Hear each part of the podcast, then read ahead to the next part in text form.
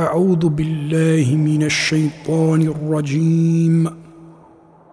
بسم الله الرحمن الرحيم. الحمد لله رب العالمين. والصلاة والسلام على أشرف الأنبياء والمرسلين. سيدنا ونبينا محمد صلى الله تعالى عليه وسلم. وعلى آله وصحبه أجمعين حديثي за смртта Джабир ибн Абдилла радијаллаху анху пренесува дека го слушнал на веровесникот саллаллаху алейхи васелем три дена пред смртта како вели Нека никој од вас не умре а да нема убаво мислење за возвишениот Аллах. Муаз радијаллаху анху пренесува дека Аллаховиот пратеник саллаллаху алейхи васелем рекол Кому последни зборови на овој свет бидат Ла илаха Аллах“ ке влезе во дженнет. Ебу Саид ал-Худри радијаллаху анху пренесува дека Аллаховиот пратеник салаллаху алейхи васелем рекол Оние кои се на смртна постела потикнувајте ги да ги изговорат зборовите на келиме и шехадет Ла илаха Аллах“ нема Бог освен еден Аллах Ибн Омар радијаллаху анхума рекол Аллаховиот пратеник саллаллаху алейхи васелем ме фати за рамо и ми рече Биди на дуњалукот како да си туѓинец или патник. Ибн Омар радијаллаху анхума говорел Кога ќе се стемни, не очекувај дека ќе дочекаш изгрејсонце. А кога ќе станеш сабајле, не очекувај дека ќе го дочекаш стемнувањето. Искористи го здравието пред болеста и искористи го животот пред смртта. Ибн Омар радијаллаху анхума пренесува дека Аллаховиот пратеник саллаллаху алейхи васелем рекол Муслиманот кој има нешто да даде во завет, да остави тестамент, не треба да заночи две ночи, а кај себе да го нема написмено тестаментот.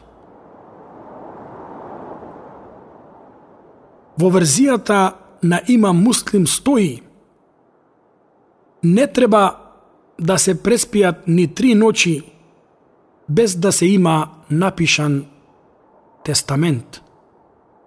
Ибн Омер рекол, од кога го слушнав Аллаховиот пратеник саллаллаху алейхи васелем, тоа да го говори не помина ниту една ноќ, а со себе да го немав напишано тестаментот. Енес, ради Аллаху анху вели, веровесникот саллаллаху алейхи васелем нацртал неколку линии и рекол Ова е човекот, покажувајќи на првата линија, а ова е човековиот час на смртта, покажувајќи на втората линија. И додека тој се надева на долг живот, му доаѓа оваа поблиска линија, а тоа е смртта.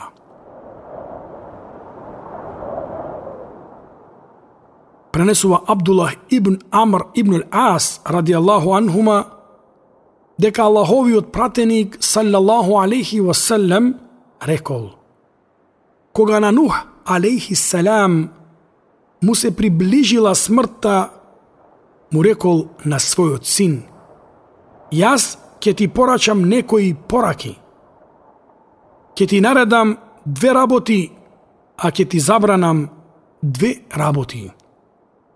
Ти наредувам Ла илаха иллаллах, бидејќи ако седумте небиња и седумте земји се стават на едната страна од вагата, а од другата страна се стави Ла илаха иллаллах, таа ќе отежнеше и ќе ги превагнеше на нив. Пренесува Енес ибн Малик ради Аллаху анху дека Аллаховиот пратеник саллаллаху алейхи васелем рекол Седум работи му течат на човекот како награда по неговата смрт, иако тој се наоѓа во гроб. Знаење со кое ги поучил другите. Река која ја протекол, палма која ја посадил, джамија која ја изградил, добро дете кое го оставил зад себе, кое бара прошка за него по неговата смрт, и Куран кој го оставил во наследство.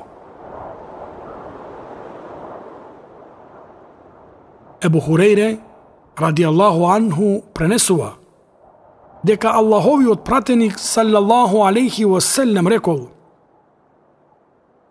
Нека никој од вас не ја посакува смртта, бидејќи ако е добротвор, може би уште добрини ќе направи.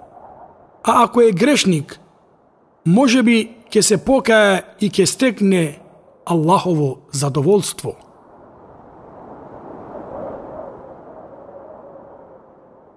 Ибн Аббас, ради Аллаху анху, пренесува дека Аллаховиот пратеник, салјаллаху алейхи васелем, рекол Кој ќе посети болен, кому се уште не му дошол смртниот час, и седум пати изговори Го молам величествениот Аллах, Господарот на Аршот величествен, да те излекува. Таквиот Аллах ќе го излекува од таа болест. Се пренесува од Ебу Хурейре ради Аллаху анху дека Аллаховиот пратеник саллаллаху алейхи васелем рекол Побрзајте со дженазето. Ако дженазето е добро, носете го кон доброто. А ако е лошо, тогаш злото го симнувате од вашите вратови. Во верзијата која бележи муслим се наведува тогаш го носите кон добро што го очекува. Се пренесува од Ебу Саид Худри ради Аллаху анху дека Аллаховиот пратеник саллаллаху алейхи васелем рекол Кога ќе се постави джаназето на табут, мажите го понесуваат на своите раменици. Ако е добро, тоа вели, побрзајте со мене. А ако не е добро, му вели на своето семејство, о, тешко мене, каде одите со мене? Неговиот глас го слуша се, освен човекот. Ако го човекот би го слушнал, би се онесвестил.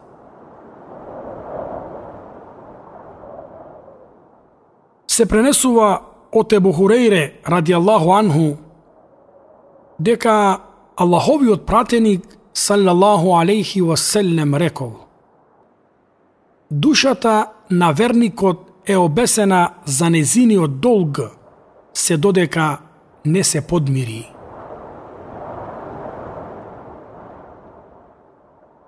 Ебу Амар, а некои кажуваат Ебу Абдулла, а некои пак велат ебулеила Осман ибн Афан кажува Кога веровесникот салјаллаху алейхи васелем ќе завршеше со закопот на некој умрен, застануваше над неговиот гроб и ке речеше Барајте прошка за својот брат и молете го Алла да го зацврсти, бидејќи тој сега се испрашува. Ебу Муса Елешари ради Аллаху анху пренесува дека Аллаховиот пратеник саллаллаху алейхи васелем рекол Кога на човекот ќе му умре дете, Аллах ги прашува мелеците Дали го усмртивте детето на мојот роб? А тие одговараат да. Аллах пак ги прашува дали го зедовте плодот на неговото срце? А мелеците одговараат да. Тој пак ги прашува што рекол мојот роб? А тие кажуваат ти се заблагодарил и рекол ние сме Аллахови и нему му се враќаме На тоа возвишениот Аллах кажува направете му на мојот роб куќа во дженнет и наречете ја Бейтул Хамд, куќа на благодарноста. Се пренесува од Ебу Хурейре ради Аллаху анху дека рекол Аллаховиот пратеник саллаллаху алейхи васелем рече Кој ќе присуствува на дженазе се додека трае клањањето. Ке има награда еден кират, а кој пак ќе присуствува додека се заврши неговиот погреб, ке има два кирата. Некој праша.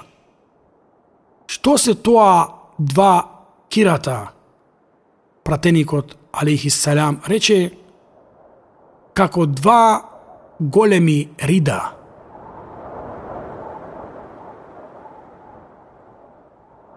Ебу Хурейре ради Аллаху анху пренесува дека Аллаховиот пратеник саллаллаху алейхи васелем рекол Оној кој ќе следи дженазе на умрениот муслиман, цврсто верувајки во Аллах и надевајки се на неговата награда – и кај умрениот се задржи се додека се клања дженазе намаз и заврши погребот.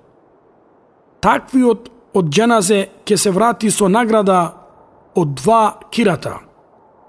Секој кират како планината Ухуд, а оној кој само ќе клања дженазе намаз и потоа веднаш се врати, не чекајќи го закопот на умрениот, таквиот од дженазе ќе се врати со награда од само еден кират.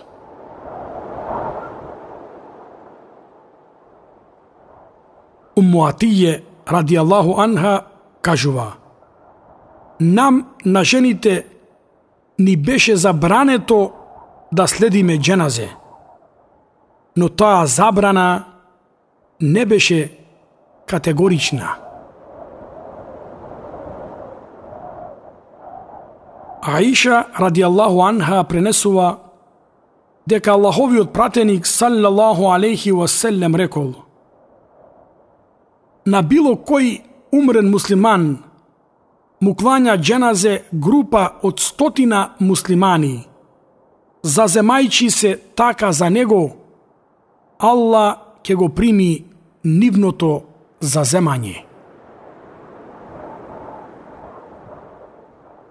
Ибн Аббас, ради Аллаху анху, пренесува дека го слушнал на Аллаховиот пратеник, саллаллаху алейхи васелем, како кажува. Кој муслиман умре, па дженазе му клањаат 40 луѓе кои не му прават ширк на Аллах, Аллах ќе ги направи негови шефаатчи, заговорници.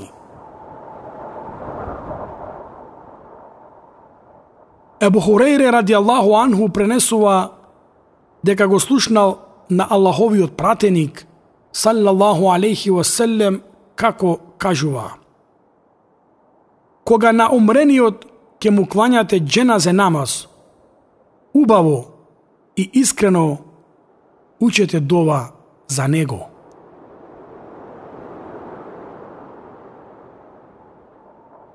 Мерсет ибн Абдилла ел Језени кажува дека Малик ибн Хубеир при клањање на дженазе намаз на кое присуствувале малку луѓе имал обичај да ги подели во три сафа.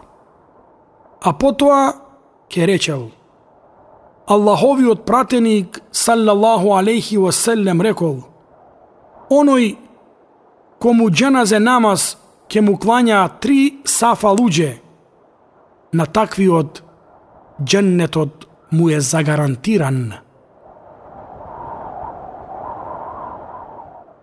Пренесува Ебу Рафи, ради Аллаху анху, дека Аллаховиот пратеник, саллаллаху алейхи васелем, рекол Кој ке гасули умрен и го покрие она што произлезе од него, Аллах ке му прости 40 пати.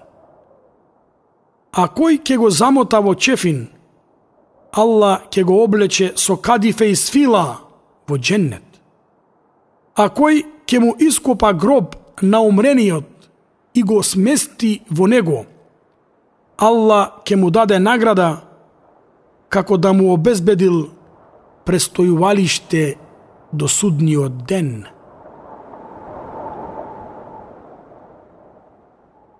Пренесува Амар ибн Хазам ради Аллаху анху дека Аллаховиот пратеник саллаллаху алейхи васелем рекол – кој муслиман ќе му изрази сочувство на другиот муслиман поради некоја несреќа, Аллах ќе го облече со облеката на почеста на судниот ден.